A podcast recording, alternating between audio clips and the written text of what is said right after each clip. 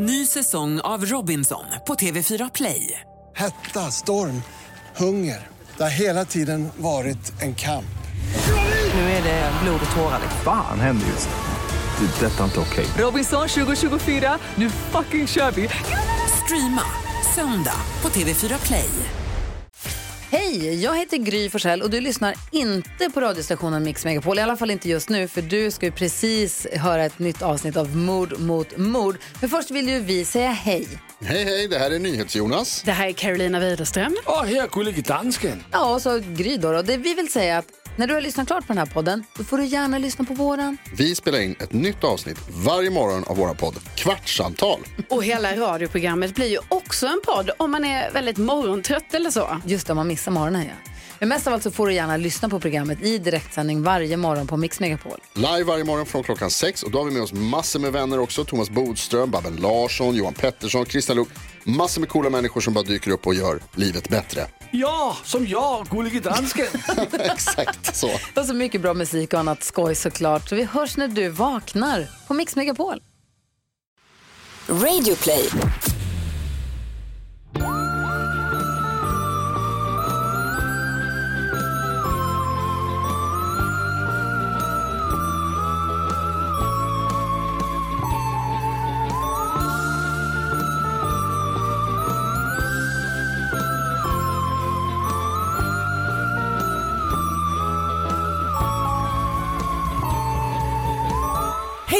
Och välkomna till ett helt vanligt avsnitt av Mord mot mord. Helt vanligt, ovanligt vanligt. Det var ju så länge sedan som vi spelade in nu. Så här. Nu sitter vi här igen. Det är söndag kväll. Vi har te. Vi har saffransbulle. Jag försöker göra sådana trivselljud när jag rör ru- runt i teet. Väldigt härligt. Eh, Jag heter då Karin André och du heter ju då Anna Sandell. Det stämmer. Och vi eh, kan väl börja med att tacka jättemycket till alla som vi träffade när vi var ute och livepoddade. Det var väldigt roligt. De var väldigt snälla. Alla var väldigt snälla. Det känns väldigt tryggt. och även typ tack till folk som i efterhand har varit så här, vad bra livepoddarna var. Mm. Lite kränkt för att de var så förvånade. Men, Men ändå förståeligt, för jag gillar ju inte, alltså, inte att lyssna på livepoddar. nej nej, exakt. Eller jag trodde inte att jag gjorde det fram tills jag började. Ja men, ja, men, för det, men det blir en annan grej. Mm. Nu blir det lite mer, nu är det bara du och jag. Och sen Exakt. kommer de andra sen. Det är Mm. lite, lite mer som, som det ska vara. Men tack så jättemycket. Det var så himla mysigt och alla var så himla snälla. Verkligen. Eh, men hur mår du? Jag mår bra. Du har Det varit på känns- dop. Jag har varit på dop i helgen. I Alltså, det- Östergötland. Du har verkligen den mest intensiva sociala kalendern jag känner. Alltid, jo, men alltid på helgerna, eftersom vi ofta spelar in på en söndag, så har du alltid varit på någonting kvällen innan. Eller dagen innan eller Ja. samma dag eller så. Jag vet, nästa helg däremot så har jag ingenting. Jo, jag ska på middag på fredagen. Ja men det är ändå ehm, hanterbart. Det är hanterbart. Men sen har jag ingenting. Jo, Så, men, gud. jag ska på adventskonsert med min mormor på söndag kväll. men just det, det är lite sån tradition ni har va? Fy fan vad Så mysigt. det ska bli mysigt. Vad går ni till någon kyrka då? Vi går till Oscarskyrkan. Ja vad mysigt. Det blir mysigt. Och hon tycker det är så fantastiskt. Så då går vi. Det är mysigt tycker jag. Ja hon blir så glad av Mm. Åh. Och du har varit på landet. Jag har varit på landet, exakt. Jag och Marcus hyrde in oss i ehm, eh, min kompis Sannas landställe utanför Uppsala. Mitt enda problem är när jag är där, jag har två problem. Det ena är att jag eldar, alltså som en galen person. Igår eldade jag alltså upp tre, visserligen små, men ändå säckar ved. Alltså jag bara eldar och eldar som fan. Men det är också för att vi värmer ju upp så- hela huset så liksom. Ja, Så att, men då är det inte så konstigt tänker jag. Nej, men jag tror också att jag, ja, jag vet inte. Det känns som att jag går, jag, det känns som att jag håller på att bli kaminkvinnan. Det är så trevligt med öppen eld. Ja, ja, nej men det är ju det bästa. Och det andra problemet är att jag inte vill åka därifrån. Så att jag typ är så här. Oj. Att jag sitter och är så här bara, nej men jag, nu kommer jag vara här. Nu orkar jag inte. Men sen är det så kallt och veden tar slut så att då, måste, då drivs jag därifrån Ja. i alla fall. Så det är typ bra. Är det um, dusch och allt sånt där? Ja. Men ingen toalett? Jo. Ingen vanlig vattentoalett? Jo, Mm, okej. så det är skönt. Eftersom jag ändå har lite utedassskräck. Det är ändå intressant att du har det. Alltså jag skulle ju inte liksom vara så här, då kommer jag inte gå på toa. Nej. Det gör jag ändå. Eh, också För jag, vet om gillar att- ju verkligen ett utedass. Ett fräscht utedass. Berätta mer. Jag tycker det är så... um, Inte sådana som finns här, um, offentliga utedass finns det ju ute i skärgården också. Ja, nej. Det gillar jag inte. Men, men typ din pappas landställe, Ja. är det utedass där? Vi har ju både inne och Just utedass. det. Men där känns som att det är ett mysigt utedass. Och det känns liksom tryggt. Eller det är vårt. Och det liksom känns lite så här nära naturen. Typ. Ja. Men det är också tillräckligt nära, alltså det är lagom nära naturen för att det är inte så här, du vet en stock över en, Det är min skräck. alltså sån Robinson-toa. Alltså Oskar berättade, han var ju, eh, han har ju så varit inne i lumpen som han är, man är, eller inte man. Ja just det, han har varit eh, på sån sån repövning. Hur har han haft det? Ja men det var tydligen ganska bra. Ja. Men då berättade han, för då, min pappa sa så här, ja jag minns vi satt på stock så här. Och det gjorde väl Oskar, det gör, det gör väl man. Men, man kanske inte pratar om det så mycket med sin partner som man förhoppningsvis någon gång i framtiden ska ha sex med. typ att vi pratar om det ganska mycket. Ehm, nej men, och då så berättade Oskar att det finns en ny grej i lumpen som heter bajssystem 3000. Triggervarning för typ vår, folk som är som Greta, vår gamla kompis, som inte kan höra ordet B-A-J-S. Exakt, okej berätta allt om bajssystem det 3000. är som en eh, portabel toalettstol som man bär med sig. Alltså det är typ som en pall. Fast liksom med, Ah, ja, ja. jag vet alltså inte om det är lock. typ. Nej man sätter fast en påse typ. Så äckligt. Det här påminner mig om när Marcus en gång skulle köpa, eh, när vi passade Hanna Hellquists hund Ines och han skulle köpa bajspåsar och, Mm. Och han gick in och. Nej, men han gick in och sa så här, jag letar efter bajspåsar för hund. Som att det fanns något annat. Vilket det tydligen gör Men det finns i ju bajssystem katter. 3000. Men det tycker jag känns liksom äckligare än typ att bajsa i en grop. Men jag, ah, ah, ja, gud jag tänker att när man sen bär runt bär på runt det. på det. fan, det är inte bra. Men det jag undrar är eh, så här. Är det, jag vill att det ska vara det officiella namnet. Alltså jag förstår du tror vad att jag det menar? är det officiella Tillverkaren. namnet. Jag tror att det är Kan det. du googla bajs, bajssystem 3000 lite snabbt? Det kanske bara inte är att det är bajssystem. Alltså, jag tror verkligen att det heter det. Det är- Vilken PR-geni på, den, på det bolaget i sådana fall som har uppfunnit bajssystem 3000. Men nu hittar jag det inte. Oskar! Kom. Kom lite Oskar. Oskar, Har du ljugit om att det hette bajssystem 3000? Nej, det heter bajssystem 3000. Det finns inte på Google. men vänta, är, det vi undrar är, är det det officiella namnet? Det är det officiella militäriska namnet. Det är roligt ju. Det är liksom indexfört som bajssystem Nej. 3000. Okej, tack. Nu blir jag sugen på att gå med i lumpen om man får. Jag vet inte om det är så att man går med som i en förening. Men... Också, jag, vill vara, jag vill vara tydlig med att det inte är för bajssystemet utan för att det är någon skön jävel Som har som skapat bestämt att det en ska heta det. Det är, eh, det är jätteroligt. Just apropå det. toalett. Absolut, apropå toalett. Men eh, helt klart så vill man ju gärna ha vattenklosett. Vattenklosett är ju ändå att föredra. Det är också kul att Markus häromdagen, ehm, han gör ju morgonpasset eh, och eh, då hade de en gäst där det bara var temat allt om avlopp. Det är typ ganska intressant tycker jag.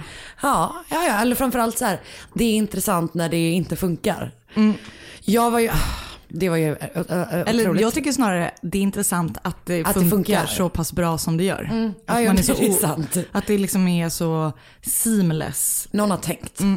Ehm, men vi var ju med om det att eh, vi har haft så här läcka från toaletten så jävla länge. Men du vet när det är så himla himla lite.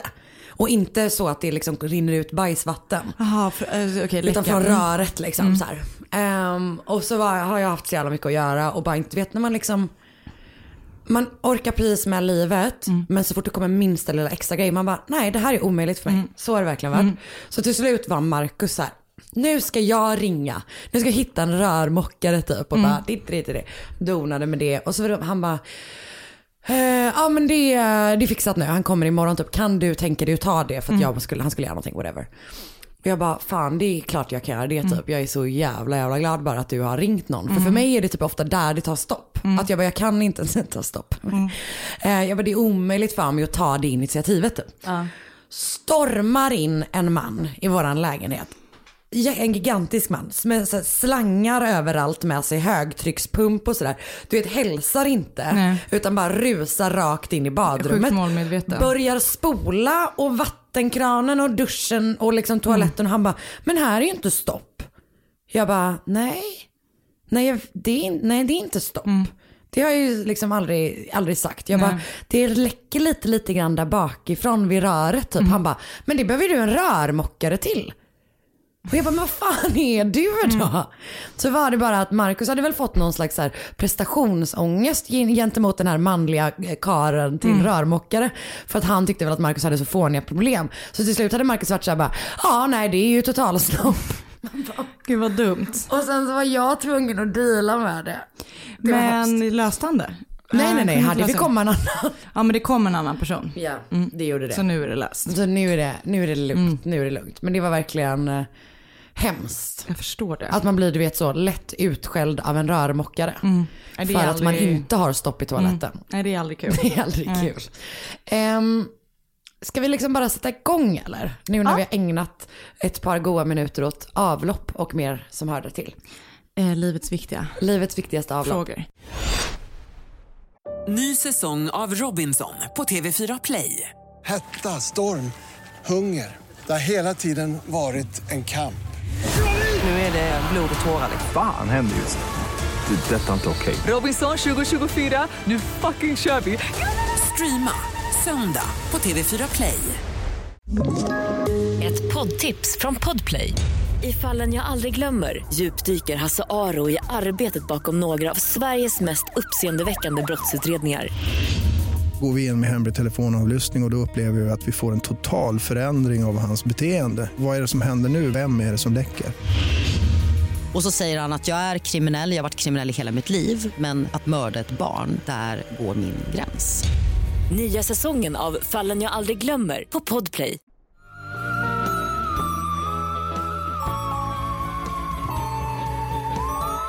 Jag har nu när vi inte har poddat på så himla länge haft lite så uh, true crime paus. Mm, jag med. Det har varit väldigt skönt. Eh, det behövdes. Kändes som.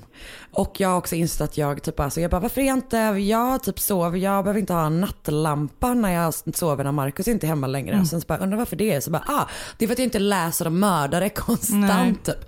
Ehm, så att jag kände typ att jag hade ett behov av att liksom ease into it. Om du förstår vad jag menar. Ehm, jag har ju sagt då eh, 8000 gånger eh, berättat att jag är tokig i den här podden Terrible Thanks for Asking. Och den här historien som jag ska berätta kommer från ett eh, avsnitt därifrån. Okej. Liksom. Det är avsnittet, eh, avsnitt, avsnitt sju och det heter Unbroken. Jag får typ, typ all info från det avsnittet plus från twincities.com, lite såhär nyhetsartiklar. Så eh, 2014 var en bra tid för Sarah Super. Bra namn. Riktigt bra namn. Det är verkligen så Silversara-läget. Ehm, hon var 25 år gammal. Hade just, hon hade något jobb som jag inte riktigt vet vad det var, men något kontorsjobb liksom. Men hon har också just utbildat sig eh, och börjat jobba som traumaspecialiserad yogaterapeut. Jaha. Så att hon liksom så här, jag har yogalektioner med speciellt fokus på Ja. folk som varit med om trauma på ett eller annat sätt. Vilket jag typ tycker Låter låter, kanon. Ehm, så hon var liksom, eh, hon eh, jobbade i Minneapolis, hon var liksom den enda eh, yogaläraren med den här inriktningen i Minnesota. Det finns typ 30 i världen någonting.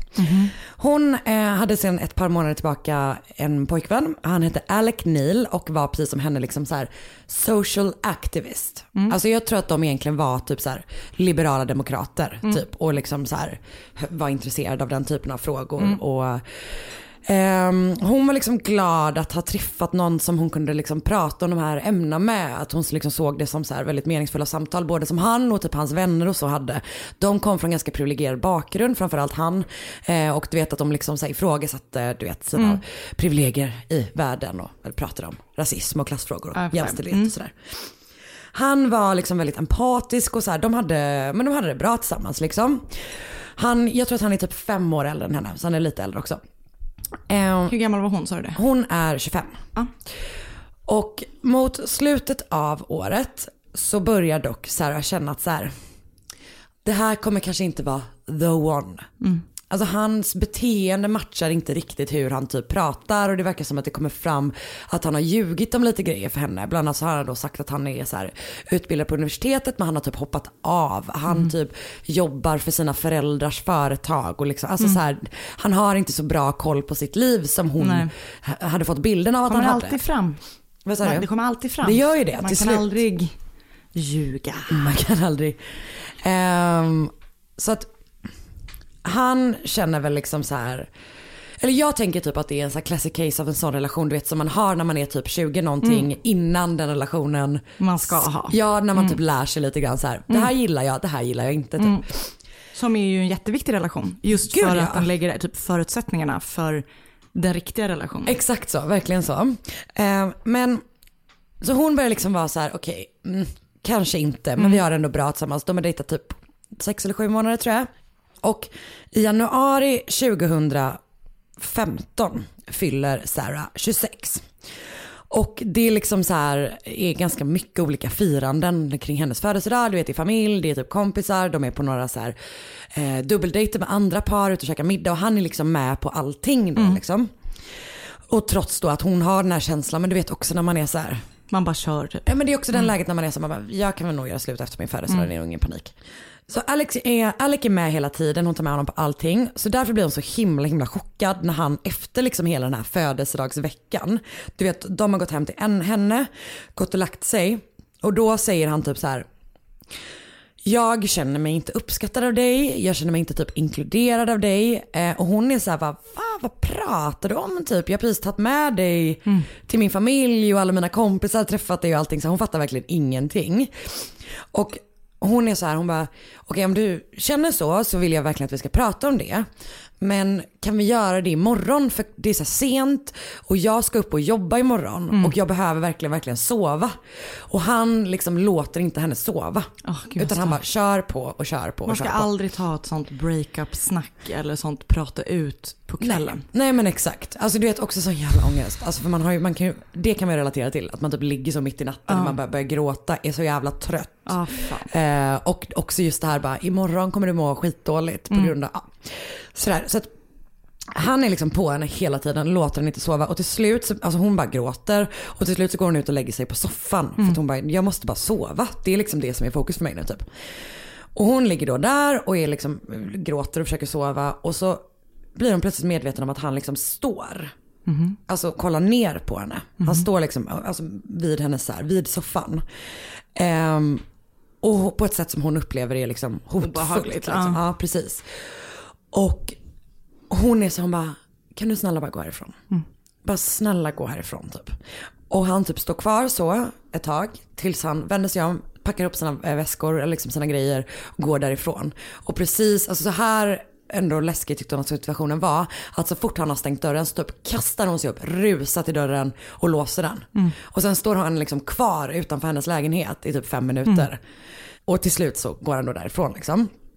Så efter det så gör de slut, rimligt.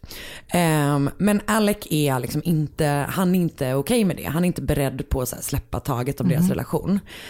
Och till slut så hotar han då henne att säga om du inte blir tillsammans med mig igen så kommer jag begå självmord. Alltså.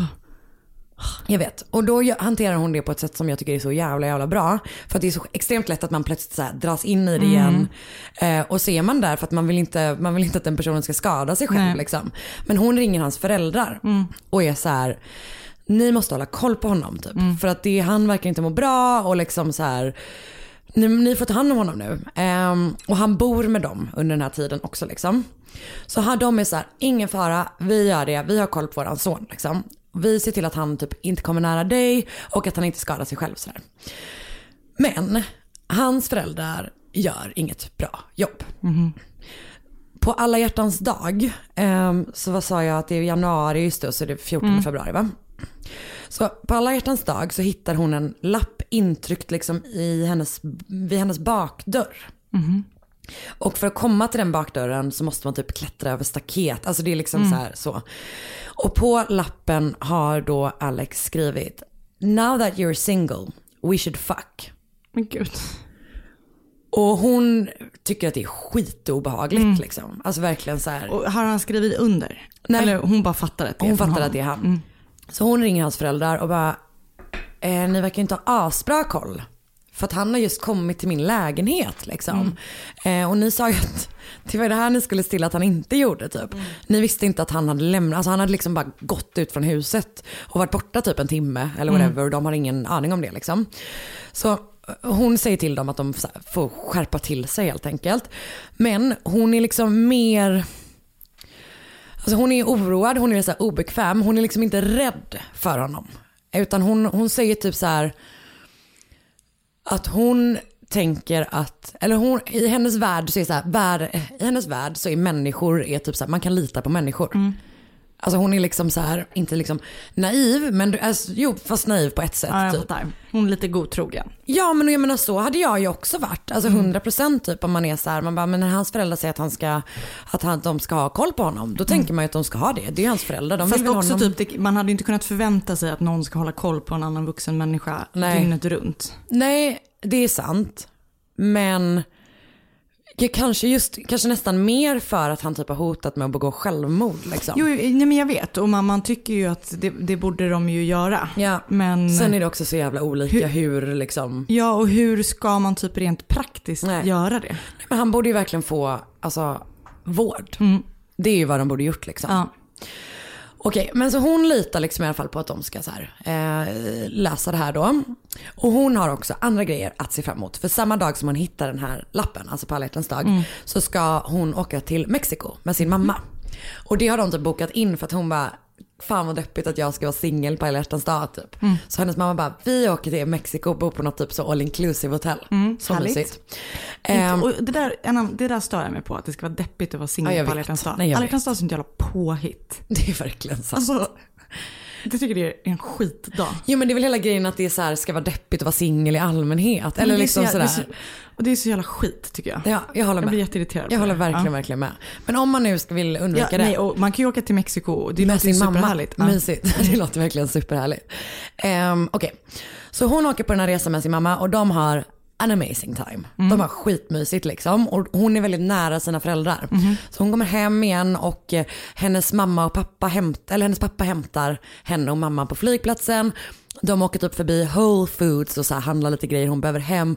De följer med henne upp i lägenheten Mm. och de pratar om hur så här, att de är så himla stolta över henne. Och hon så här, pratar om hur mycket hon älskar dem och det är liksom så här, Mm.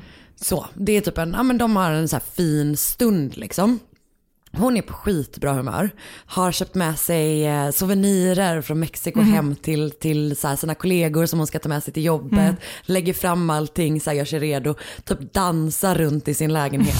verkligen, verkligen så. Så hon går sen då och lägger sig tidigt. Och några timmar senare så vaknar hon av att Alec sitter bredvid henne på sängen med en kniv mot hennes hals.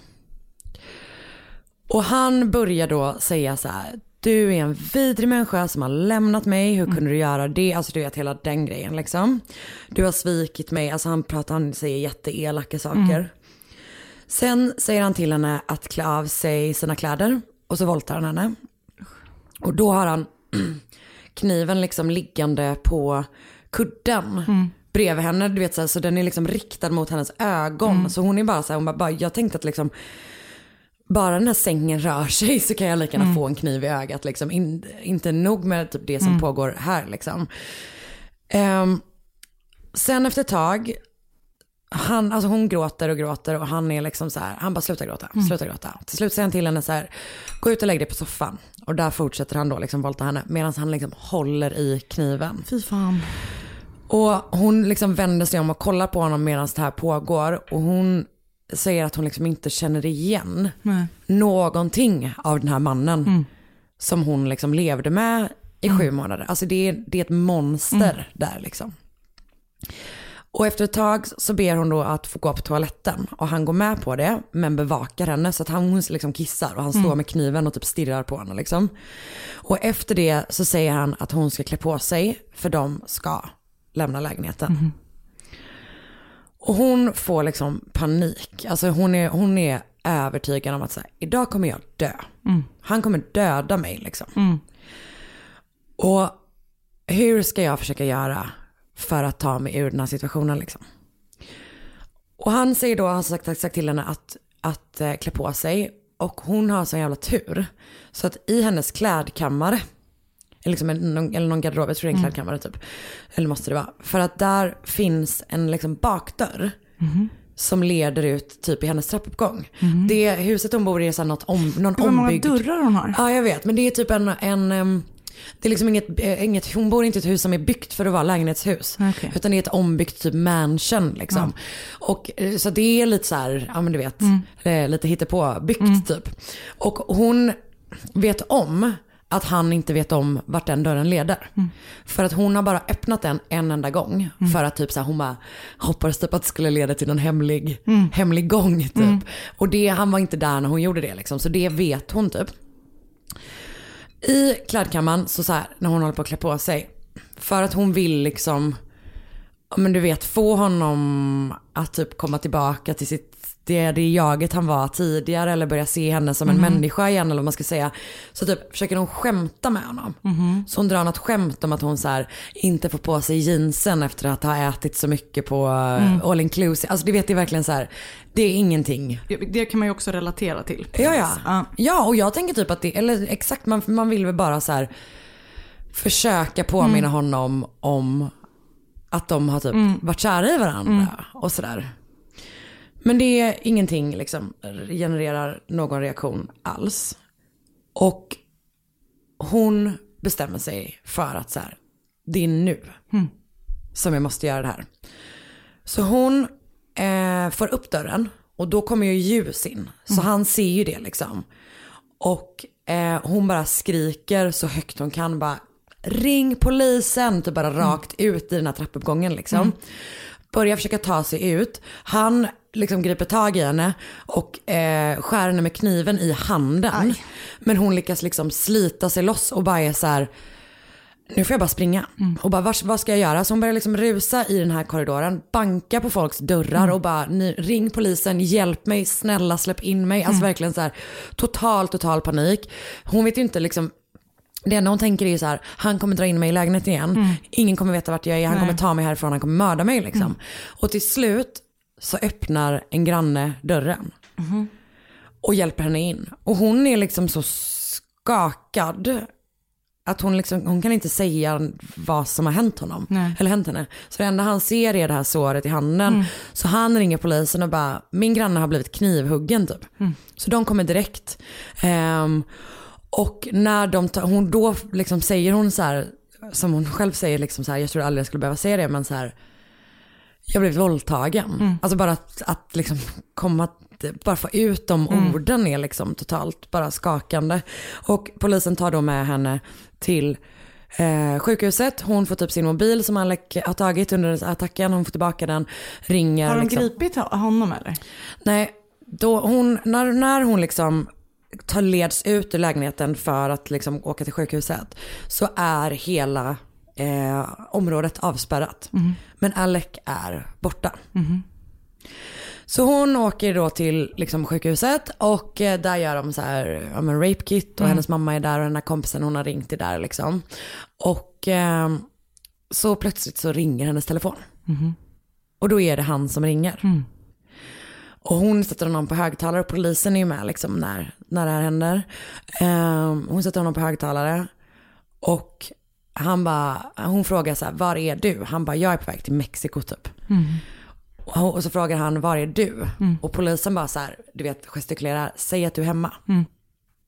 Så hon får väl liksom säga, hon bara, jag är hemma typ, jag fattar inte vad som har hänt, typ kan vi inte prata om det här, Mm. kan du snälla, snälla komma hit? Mm.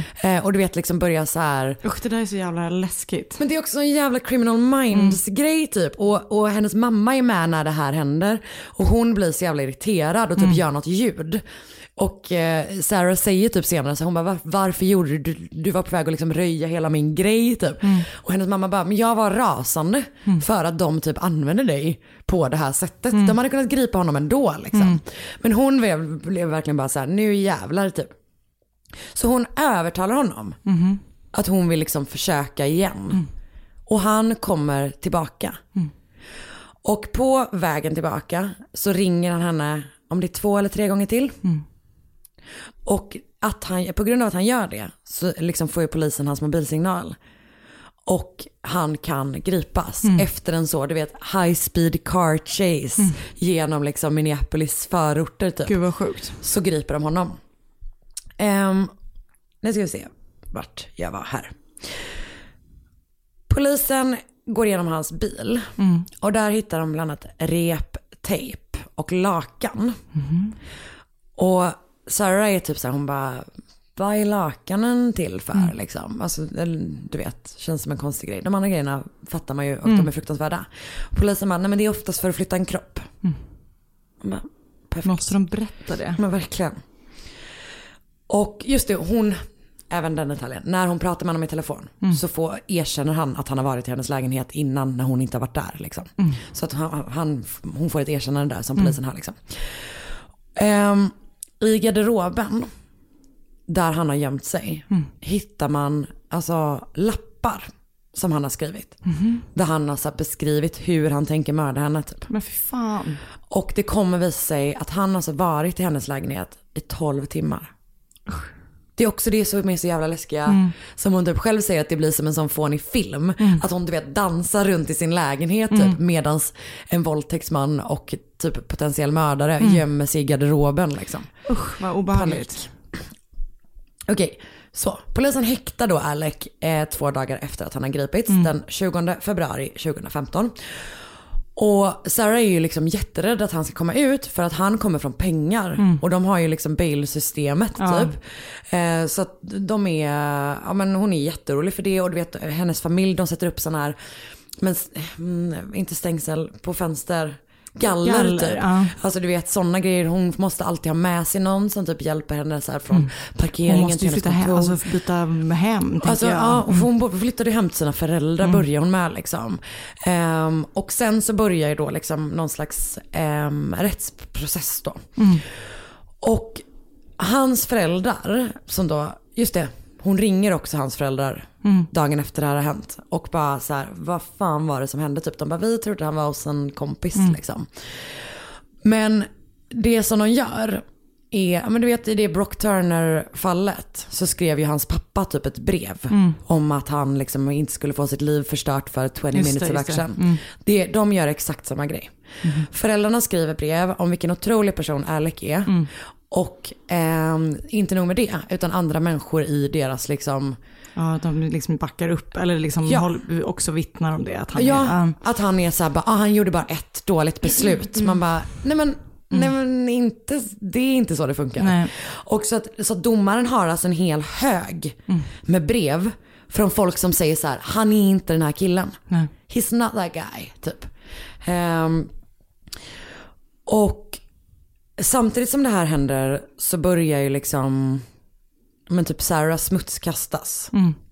Och folk är så här, ja men hon hade redan börjat med den här trauma work. Så Mm. det är antagligen bara för att främja sin karriär. Mm. Och, eh, men man liksom börjar så här, Mm. hålla på så mot henne. Och samtidigt så möter hon en enorm liksom tystnad från samhället. Folk har skitsvårt att prata om det här. Så folk vet inte vad de ska säga. Och hon förväntas inte prata om det heller liksom. Men det som är skönt är att domaren i det här fallet tycker liksom att så här, de här breven och hela den grejen är sånt jävla jävla bullshit. Mhm. Så till slut så accepterar Alec en plea deal och han får 12 års fängelse. Mm. Men då, så då får de ju, det är ingen rättegång utan men de får ju en sån dag. Så att hon Mm. får ju läsa sitt sånt victim Mm. impact statement och sådär. Och den här domaren, Judith Tillsen, säger då till honom i rätten, alltså alla, angående då att alla är såhär, han är inte sån typ. Så säger hon så här.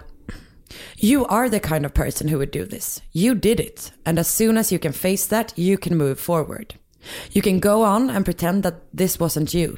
But this was planned. This was not a moment of error. Inte för att en våldtäkt är a moment Nej, of error ändå. Mm. Men ändå, det är så jävla skönt att Mm. hon bara är såhär, nej nej, Mm. glöm det här liksom. Och Sarah bestämmer sig då för att liksom inte vara tyst om Mm. det här. Så till att börja med så läser hon, hon läser ju då ett eget sånt victim impact statement i eh, rätten. Och då skri- säger hon bland annat så här. Alec tried to extinguish a flame within me, but now it burns even brighter. And he will continue to shine with joy and happiness and wonder in the world.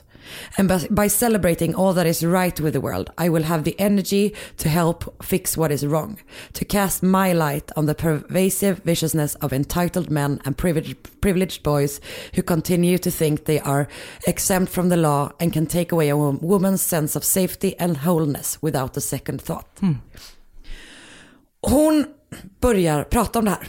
Alltså hon börjar typ med att så här, ta kontakt med en journalist som har skrivit om hennes fall men då är ju inte hon namngiven liksom. Och bara är så här, jag vill att vi, jag vill prata om det här. Mhm. Och jag vill säga med mitt namn, alltså så här, jag vill verkligen vara tydlig med vad som har hänt mig. Mm. Eh, och det gör att folk, alltså andra överlevare av liksom sexuellt våld börjar typ ta kontakt med henne. Mm.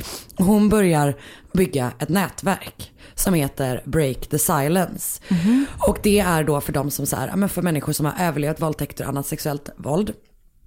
Och de gör massa, massa olika saker. Bland annat så arrangerar de events där folk som har eh, överlevt sexuellt våld kan liksom men komma dit och typ berätta sina historier och få jättemycket bekräftelse av andra, alltså så här Mm, supertryggt rum Mm. liksom. Ehm, och sen har den här organisationen också sett till att Minnesota nu har en Break the Silence Day Mhm. varje år. Och i somras så blev det klart eh, att ett projekt som Sarah jobbat med i flera år nu kommer bli verklighet. Mhm. Och det är att Minneapolis ska få liksom ett minnesmonument för de som typ har Okej. överlevt sexuellt våld. Så den är liksom så här i en park typ, att Mm. man ska liksom så kunna gå dit och... eh, Som en minnesplats typ. Ja, och Mm. typ som någon, men en em- Ja, men empowerment-grej precis, liksom. Ehm, så hon gör så jävla, jävla mäktiga saker. Du vet så här, när hon har liksom åkt på olika så här, ehm, men det, det är ju typ några år sedan, det här pratade de om i det här eh, Terrible Thanks for Asking avsnittet, att det var ett eh, fotbollslag på typ ett universitet i Minnesota, eller Minneapolis, minns inte. Uh, ah, jag vet ju om att det ena ligger i det andra. Nej men där, alltså de i laget strejkade för, som stöd för, för deras så här, teammates som hade blivit anklagade för att ha våldtagit en tjej. Just det. Och då typ åkte hon dit med Mm. hela sin organisation och så här, för att stötta Mm. den här tjejen. Så de gör Ja. asmycket asgrymma grejer typ. Mm. Ehm, och han sitter ju fortfarande inne. Mm. Och hon är super liksom, rädd och orolig Såklart. för vad som ska hända när han Mm. kommer ut. Men tänker liksom ändå inte låta det Nej. få henne att sluta prata typ. Det är Sarah det som det är så Super. läskigt när, eh, när det händer i ens hem. Alltså, jag, tänker, jag har ju en kompis, eller egentligen min systers kompis, som bor, eller bodde här nere. Som eh, när hon kom hem på eftermiddagen, ganska tidig eftermiddag så från jobbet, så var det en kille som typ gick in i porten samtidigt som hon. Eh, och bara, men du vet, hon tryckte på trean och han tryckte på fyran. Och sen precis när hon står och låser upp dörren så kommer han och bara hoppar på henne. Så här. Så, och, och liksom, sen så kom det en granne som tur var, men hon typ, du vet, han slog i hennes huvud in i väggen och så här. Och tänker man bara så här, tänk om han hade fått in henne i lägenheten. Ingen vet, hon bodde ensam. Alltså, just när det är, liksom, Hemma. när någon kommer in i ens hem. Nej, nej. För då är det ingen som kan hjälpa en. Nej, nej, nej. För Nej, då är man helt jävla fången i sitt eget hem. Exakt, och bara den här grejen att så här, hon hade flytet Mm. att ha typ en bakdörr. Eller du vet liksom, det var bara för att hon råkade bo där hon bodde Mm. liksom. För att det där tänker jag också är, alltså det, det kan bli lite svårt att typ prata om överlevare ibland. För att det nästan blir som att man säger att så här, de som inte överlevde Ja. du vet har gjort något fel och så är det ju inte. Nej. Utan det gäller ju verkligen Mm. så här, du måste ha flyt. Mm. Men hon är gud, så ja. jävla cool med typ Mm. så här vad hon bestämde sig för att göra sen. Och det är ju också precis innan typ metoo. Mm. Så här, liksom movement. Så att hon var så här, hon bara ja det är exakt det här. Mm. Att folk måste bara prata om det. Läskigt. Läskigt som fan. Ny säsong av Robinson på TV4 Play. Hetta, storm, hunger. Det har hela tiden varit en kamp. Nu är det blod och tårar. Fan händer just. Det. är Detta är inte okej. Robinson 2024, nu fucking kör vi! Streama söndag på TV4 Play. Ett poddtips från Podplay. I podden Något Kaiko garanterar östgötarna Brutti och jag, Davva, dig en stor dos skratt. Där följer jag pladask för köttätandet igen. Man är lite som en jävla vampyr. Man har fått lite blodsmak och då måste man ha mer. Udda spaningar, fängslande anekdoter och en och annan arg rant. Jag måste ha mitt kaffe på morgonen för annars är jag ingen trevlig människa. Då är du ingen trevlig människa, punkt. Något Kaiko, hör du på Podplay. Därför är gardinerna.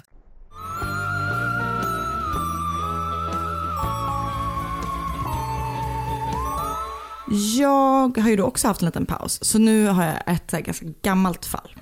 Eller ett väldigt gammalt fall. Och eh, de främsta källorna idag är en artikel på Ru- Rushi- Rushipedia P.RT. Wow! Som är typ, det, det är en serie om prominenta Russians. Prominent Russians. Vänta, är det här någon slags statsmedia? Typ. Putins startsida. Eh, en rankarartikel, en podd som heter den här Shots in the Dark, Mm. som är en true crime-podd, och typ Wikipedia. Så här. Men vi länkar ju som Ja, vanligt. vi länkar i gruppen som vanligt. Ja. Eh, så. så, som sagt, idag så är vi i Ryssland då. Och inte mindre eh, än 1700-talets kejsardöme Ryssland. Mm. Och eh, jag tänker att så här, under 1700-talet så var det ju verkligen klasskillnader. Så här, hög adel, eh, tjänstefolk, typ statare. Ja, jag, vet ja, ja. Inte. Kanske, jag vet inte om de statare Vad är en statare? Vi pratade om det idag, därför låg det väldigt färskt eh, i mitt minne. Statare var de som typ var längst ner liksom, i hierarkin på typ ett jordbruk. Alltså de var typ livegna. De jobbade för liksom, markägaren och så fick de betalt i typ så här, ja men i natura. Typ här. en rova. Ja men typ rover, brännvin var tydligen väldigt vanligt för det var så genomtänkt att de skulle bli typ så här försupna. Ja men du vet, så vidrigt. De var verkligen, Ja, hade det inte så bra. Det var ingen great time. Nej. Nej. Eh, och jag tänker typ så här, adeln hade ju så superstort inflytande. Jag tänker att de bara åt så rysk kaviar och typ hade så här Fabergé-ägg och du vet. Så. Och massa, massa tjänstefolk. Och tjänstefolket har det ju skit, Ja. såklart. Eh, det finns, jag älskar ju 1700-talet. Det är min typ mest spännande, mitt mest spännande århundrade. Kul. Och det finns en jättebra bokserie som jag vill tipsa om här, som jag tror att vi tipsade om när vi hade vårt samarbete med eh, ljudboksappen. Ja. Ehm, som heter eh, Barnbruden och Pottungen och jag kommer inte ihåg vad hon heter. Just det. De är sjukt bra böcker. Så, då är det Stockholm på 1700-talet. Det Ehm, bästa känns ju ändå som att det är Stockholm på den tiden. Eller? Ja, eller typ Frankrike, så Ja, Marie Antoinette. just det. det är spännande i alla fall. Ehm, Verkligen. och, och, ja, precis. Jag tänker att Ryssland var lite så här extra allt. Ja.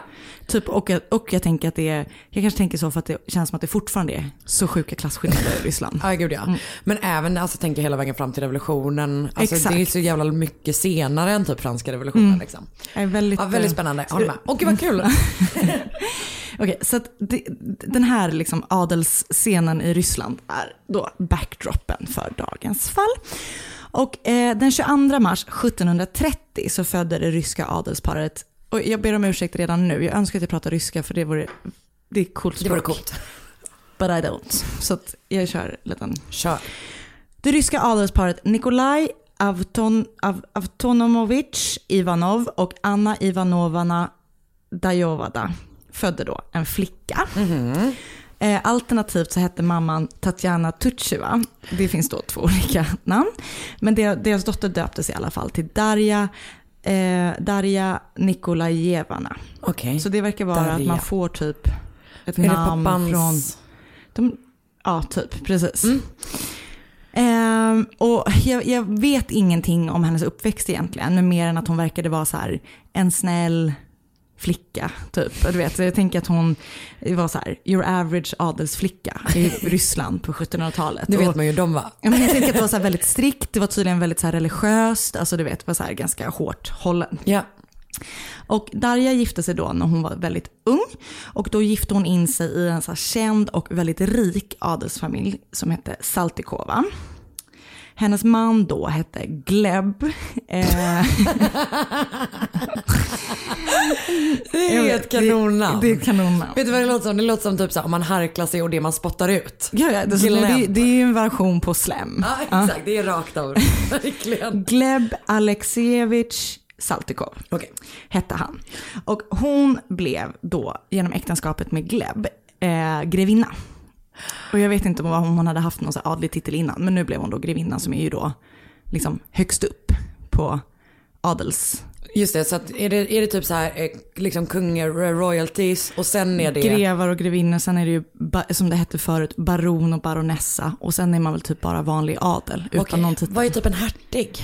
Hertig är kanske över, det, då tror jag att man är kunglig, men jag vet inte det.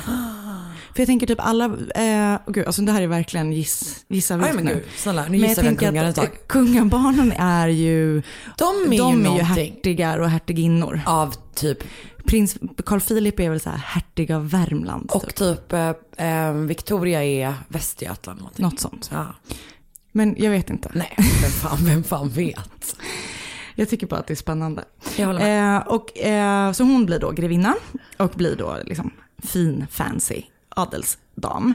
Eh, och tillsammans får de då två barn som döps till Theodor och Nikolas. När Darja är 25 år gammal så dör Gleb av någon anledning. Det går ju inte att ta det det, namnet på allvar. Men vi kommer inte prata så jättemycket mer om honom. Synd. Eh, han går bort förlåt. av någon anledning och, jag, och man, vet- jag vet inte varför. Men jag tänker att man fick en förkylning och sen så typ blev man döende typ. Ja, ja, nej, men alltså verkligen. Eh, Så hon blir då änka med två barn och i samma veva, veva som Gleb dör då så får ju hon såklart ärva honom. Och hon får då sjukt mycket pengar. Hon får också ärva ett stort gods i Trotskoje som ligger nära Moskva. Och tillsammans med godset så fick hon då ärva en hel uppsjö av tjänstefolk. För man äger ju då liksom Just sitt det. tjänstefolk. De är ju typ livegna. Ehm, och det, jag tror att det var typ 600 tjänstefolk Åh, som hörde till det här godset. Så det var liksom så sjukt mycket människor. Gud, jobbigt att plötsligt vara chef över sånt. Skitstort. Jag tänker att hon, hade, hon var chef över någons chefs chefs chefs Ja. chef. typ. Ja, verkligen. Men ja. Puh. Eh, utöver godset så fick hon ärva eh, här, en del fastigheter i Moskva. Och det här arvet gjorde henne till Moskvas rikaste änka. Vilket ju inte är fy skam, men det var ju heller inte Rysslands rikaste änka. Men, men hon är sjukt tät. Hon är jävligt rik nu. Mm. Så hon är då jätterik, ung eh, och är, har två barn. Men, men, och hon, jag vet inte, men hon verkar ändå vara ganska ensam. För det känns inte som att man har så mycket kontakt med sina barn på 1700-talet. Nej men bara de hade ju säkert typ så 50 personer som tog hand om dem. Exakt. Och de var typ så här, jag tänker att de var så här klädda i så här sidenfrackar i ljusblått. För det och typ så här vita strumpbyxor och så här lackskor typ. Jag på mitt bröllop. Eh, men så, så jag upplever att hon, jag upplever, jag tänker att eh, hon var ganska ensam.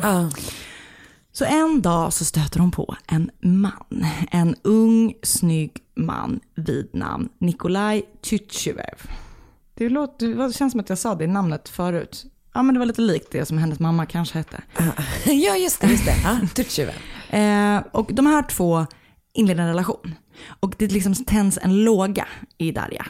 Eh, hon blir väldigt kär i honom.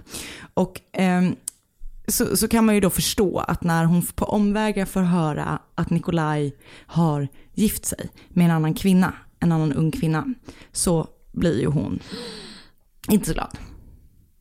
Men gud, ja okej. Eh, så, eh, och han har gift sig med en yngre kvinna och jag vet typ inte hur ung hon kan ha varit. För Darja själv är ju typ så här 26-27 år gammal. Men det kanske är typ att man börjar liksom hamna på glasberget eh, under 1700-talet när man är 26 år. Vad betyder det? Är det att man är, ov- alltså att man är... Man är nuck, alltså jag tänker så här, Ah, ja, men nu har ju hon hon är ju änka så här, men jag tänker att eh, man, man kanske är var gammal, lite... ja. ja. Eh, Okej, men så hur som helst. Hon blir i alla fall galen av svartsjuka när hon får reda på det här. Och hon blir ju, alltså jag kan, tänka, jag kan typ förstå att man blir arg i alla fall. Besviken. Ja. Eh, så hon är ju sjukt paff då att han har gift sig med någon annan. Så hon bestämmer sig för att hon vill straffa dem. Bra, perfekt. Hon bestämmer sig för att hon måste döda Nikolaj och hans nya unga fru. Men någon av alla de här 600 personerna som jobbar på godset lyckas snappa upp att Darja var galen av svartsjuka och ute efter att döda den här älskaren och hans nya fru. Så den här personen eh, varnar dem. Så de lyckas fly, som tur var, till ett gods i närheten som är typ hans släktingar. Och där kommer ju Darja inte åt dem. Gud, visst är den här filmen? Ja, men det, och jag, ja, jag vet, jag med. och hon blir ju då liksom ännu mer arg för att de lyckas fly. Ja. Det är liksom, det, är inte, det går ju inte. Så det här blir liksom startskottet på en helt sjuk beteende hos den här kvinnan. Ja, ja, ja. Okej, så, så eftersom de har flytt så behöver ju hon rikta sin ilska någon annanstans. Oh, honey don't. Mm. Och något som finns nära till hands då är ju hennes 600 personer som arbetar för henne. Och efter att Nikolaj då hade dragit med den här uh, unga frun så levde alla lite så här farligt för när Darja var på väg fram. De som däremot hade det liksom, som var liksom hennes största hatobjekt, det var då just unga, Unga kvinnor, kvinnor, ja. gärna gravida, men också barn.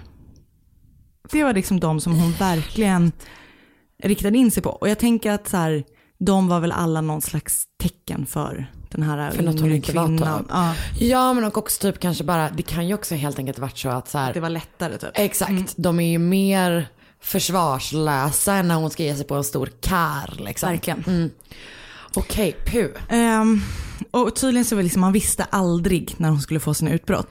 Men det räckte med typ att någon inte hade plockat undan så som hon ville. Eller att det typ inte var städat tillräckligt bra. Eller typ att så här, någon hade lagt eh, servetten på höger istället för vänster. Eller vad det nu kan ha varit. Jag vet Ah, inte. Så att eh, hon liksom fullständigt exploderade när någon hade gjort någonting som inte föll henne liksom, i smaken. Och så hemskt vara med någon som är så oförutsägbar. Ja, och jag ser, jag ser framför mig att hon så här, går med så stor klänning genom godset så helt Ja. plötsligt bara, där är det inte städat. Och så bara, Åh, eh, Åh, gud vad hemskt. och att de typ inte badade och så här, tänker att allting luktar så här, jag tycker att ja, det finns ju downsides med 1700-talet också, helt klart. Det är ändå sant det här till exempel att man inte hade toalettsystem 3000 utan Exakt. bara Du bajsade menar bajssystem? Bajssystem, förlåt. Redan, redan gjort det mer kosher i mitt huvud. Eh, Okej, och som sagt, det var främst unga kvinnor eh, och barn som blev utsatta. Och det hon gjorde då till exempel, när hon någon då inte hade gjort som hon ville, det var att hon så här, helt plötsligt började kasta vedträn men- efter dem. Hon stängde ut dem eh, utomhus när det typ var snö, eller regn, eller så kallt. Så fick de inte komma in. Eller så typ ja, hällde hon kokande vatten på typ det, någon del av deras kropp. Alltså hon, hon höll, sysslade med liksom ren, tortyr. ren tortyr på det här godset. Ehm, och vissa liksom torterade hon bara Mm. med jättestora air quotes. Och andra torterades då tills de dog. Så hon var bara liksom överallt hela tiden. Och Hon var helt jävla... hon var helt galen. Och, eh, ja, och flera av de här människorna som arbetade hos henne anmälde ju det här. För det var ju liksom så här Ja. deras vänner eller familj eller du vet vad som helst. Men eftersom, så de gick till polisen och var så här, hallå, typ det dör folk hos oss, ni måste liksom ta hand om den här kvinnan. Men eftersom de bara, igen, stora sådana här, var tjänstefolk och hon var då liksom en högt uppsatt adelsdam och dessutom då typ Moskvas rikaste änka och vet väldigt, eh, ja. Men jag tänker typ att det nästan blir som att hon äger dem. Och- och det gör- och det gör hon Ja ju. exakt. I, sam, och i samhällets ögon ser det så bara, ah, ja fast då, hon får väl göra vad hon vill med. Exakt, för, för jag tror att man liksom, det var så, man ägde en annan människa. Så jävla vidrigt. Ehm, så, så att alla de här anmälningarna som kommer in, det händer liksom ingenting med dem. Utan det är bara så här, "Ah, ja, tack för din anmälan, typ. återgå till, eh, hoppas det inte blir du nästa gång, typ så. Och eh, ja, så det, de försöker ju så här göra uppror liksom. För att de, det är så många som blir upprörda. Eller som blir skadade och torterade och mördade och så här. Eh, totalt tror jag att det var mellan 130 och 138 som dog. Åh jävlar! Så då kan man ju tänka hur många som också liksom bara blev torterade. Och då är det liksom, alltså det är hon som Ja. har dödat typ Ja. 130 pers. Ja. Det är så jävla många människor. Ja, Oh, så jävla vidrigt. Och Ermolai Ilji- Iljin, som arbetade hos Darja, han förlorade inte bara en, utan tre fruar till liksom under Darjas vredesutbrott.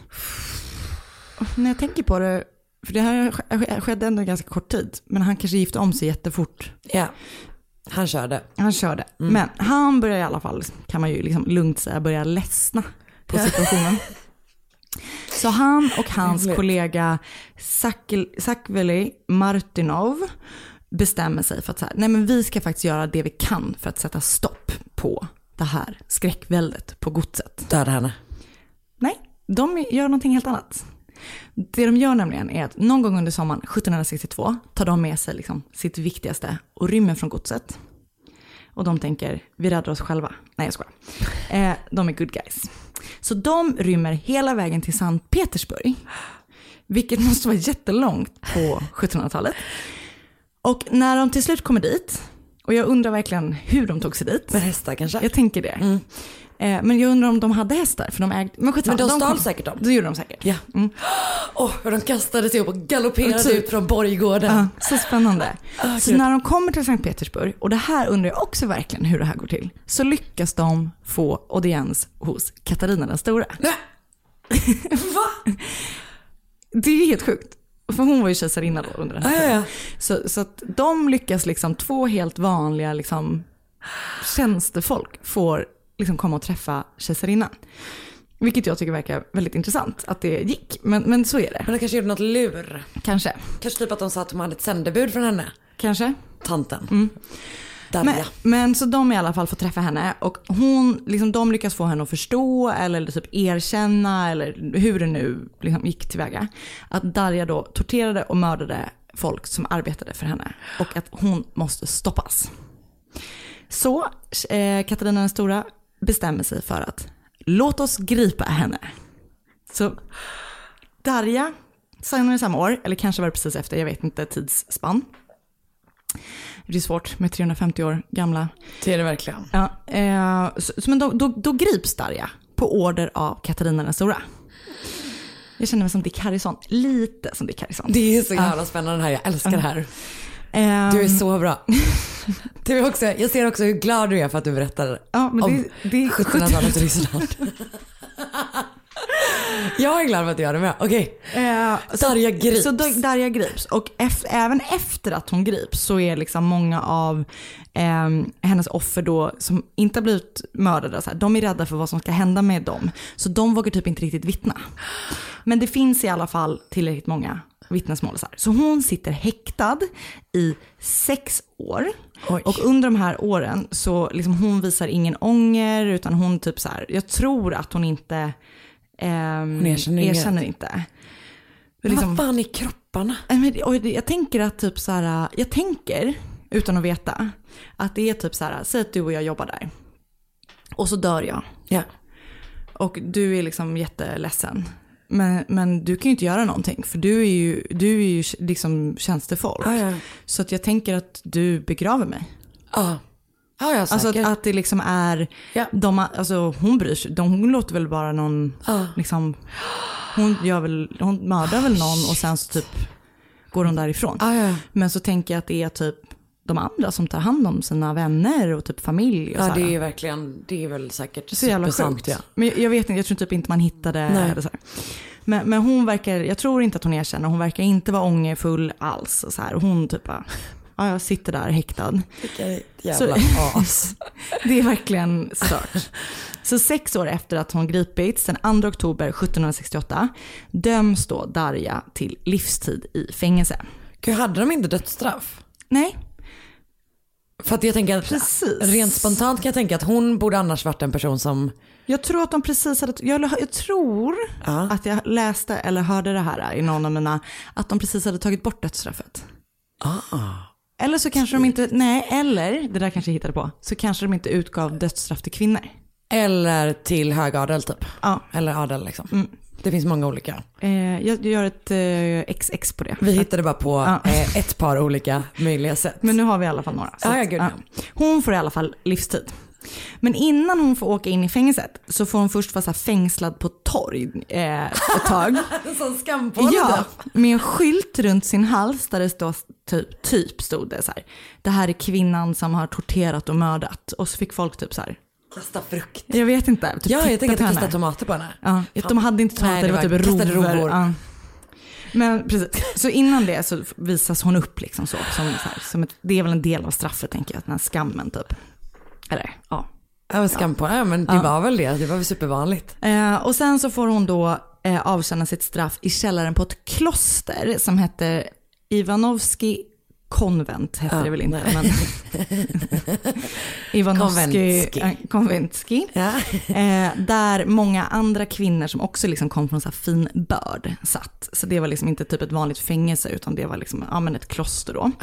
Men däremot, hon, alltså det var inte så att hon hade det bra där utan hon fick sitta fastkedjad i ett rum i källaren utan fönster. Alltså de var så jävla real på den tiden. Alltså det är så jävla tufft. Alltså det är så sjukt. Och hon fick sitta i totalt mörker. Hon var under liksom konstant vakt. Det var alltid någon som så här tittade på henne, typ stod utanför. Så när hon fick sin mat så fick hon typ ett litet ljus. Och sen så när maten var färdig så tog de ut igen. Och så satt hon i 11 år. panik. panik.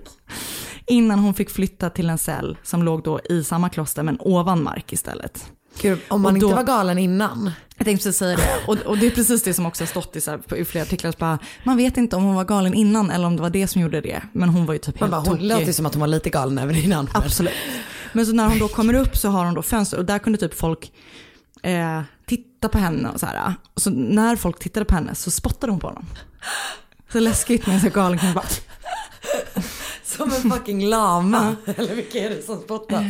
Ja det kanske är Kanske. laman. Skitsamma. Ehm, Okej, nej men Okej, så, så så efter, först, först 11 år, i, först 6 år i häktet, sen 11 år i den här källaren och sen kommer hon upp. Så efter 33 år i fångenskap, när Darja var 71 år gammal, så dör hon i sin cell. Och det sjukaste är att hon dog den 27 november, vilket är datumet som det här avsnittet släpps på. År 1801. Alltså på dagen idag för 218 år sedan så dog hon. Jag gillar det så mycket. Så att, eh, det var det. Om Darja Saltikova. Det där var det sjukaste. Ja. Jag älskar den historien. Så spännande. Men har hon något sånt namn? Alltså kallas hon för någonting? Nej, men hon jämförs ju... För jag tänkte, eh, jag fick ju lite sådana bara, eh, ett tag tänkte jag så här, kommer det vara som eh, alltså Elisabeth, Elisabeth Batteri? Men hon är ungen tror jag. Ja, exakt. Nej, men, och, och hon jämförs ju jättemycket med henne. Ja. Men, Nej, det men, eh, är ju typ så här, det var jätterika personer som dödade jättemånga människor. Exakt, och att det var kvinnor. kvinnor, ja. Mm. eh, nej, men hon eh, kallas kanske för... Eh, Vi hittar på något. vi hittar på något. Vi hittar på något tills, eh, tills, eh, tills vi har döpt det här avsnittet. Bloody Lady. Bloody, bloody lady. Nej, men så... Det är ju sjukt ju. Och så himla läskigt att, eh, att man bara liksom kunde hålla på sådär. Ja, ja, ja. Nej men det är ju hela den här grejen att typ så här när man har samhälle som inte, Ja. som inte bryr sig om en viss grupp av människor så kommer den gruppen fara jävligt illa liksom. Fy fan vad Ja. sjukt. Väldigt läskigt. Så 130-138 stycken. Dog. Och sen så vet man ju inte hur många hon torterade. Alltså tänk att gå till jobbet där. Och, tänk, nej, men det Och så värsta, och att nej, man bodde där. Vet du vad det värsta är? För du är alltid på jobbet. Du är aldrig ledig. Det är fan vidrigt. Det det är typ min största mardröm att alltid vara, behöva vara på jobbet. Inte det här att bli torterad och mördad. Typ inte. Det, Typ det är fan en egen form av tortyr att alltid behöva vara på jobbet. Det är verkligen, verkligen sant.